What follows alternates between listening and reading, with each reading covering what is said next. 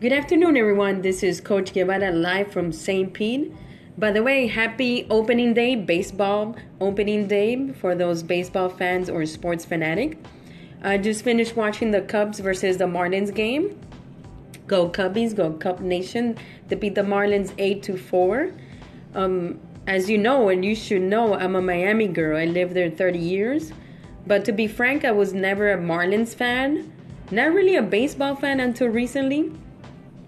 So now I'm a Cubs fan uh, due to my family. I have family over there in Chicago, so go Cubs. They just beat the Marlins. And up next is the Tampa Bay Rays, which I'm excited to watch. Go Rays! Can't wait to watch that. Um, anyways, today's episode is part two, part dos, part dos of yesterday's tip, which is uh, knowing all five positions in basketball.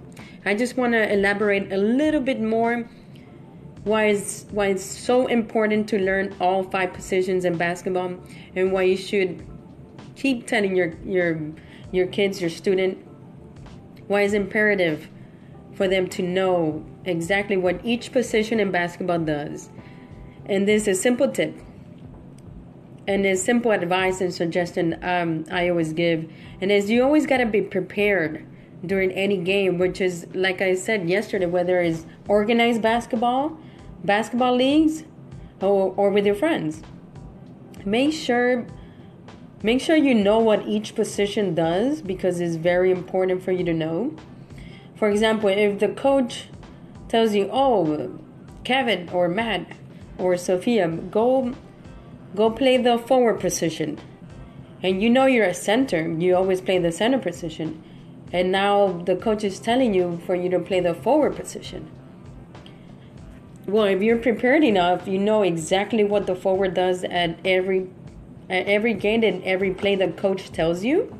So that's why it's very imper- imperative for you to know what the forward does, what the shooting guard, what the point guard and center do during the games.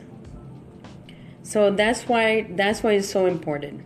You never know if the the one of the players is missing oh, due to injuries, due to a personal emergency, family emergency. So you always gotta be prepared and prepare your kids, whether you're your coach, a parent, or a teacher.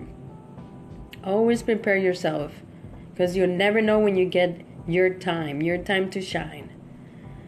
Alrighty then, this is Coach Guevara. Make sure you follow me on Instagram and Twitter at Chinese Hoop or at Coach Guevara 205. That's at Coach Guevara 205. That's my personal handle on Twitter and on Instagram. Have a happy opening day, baseball opening day. Go Rays. I'm out.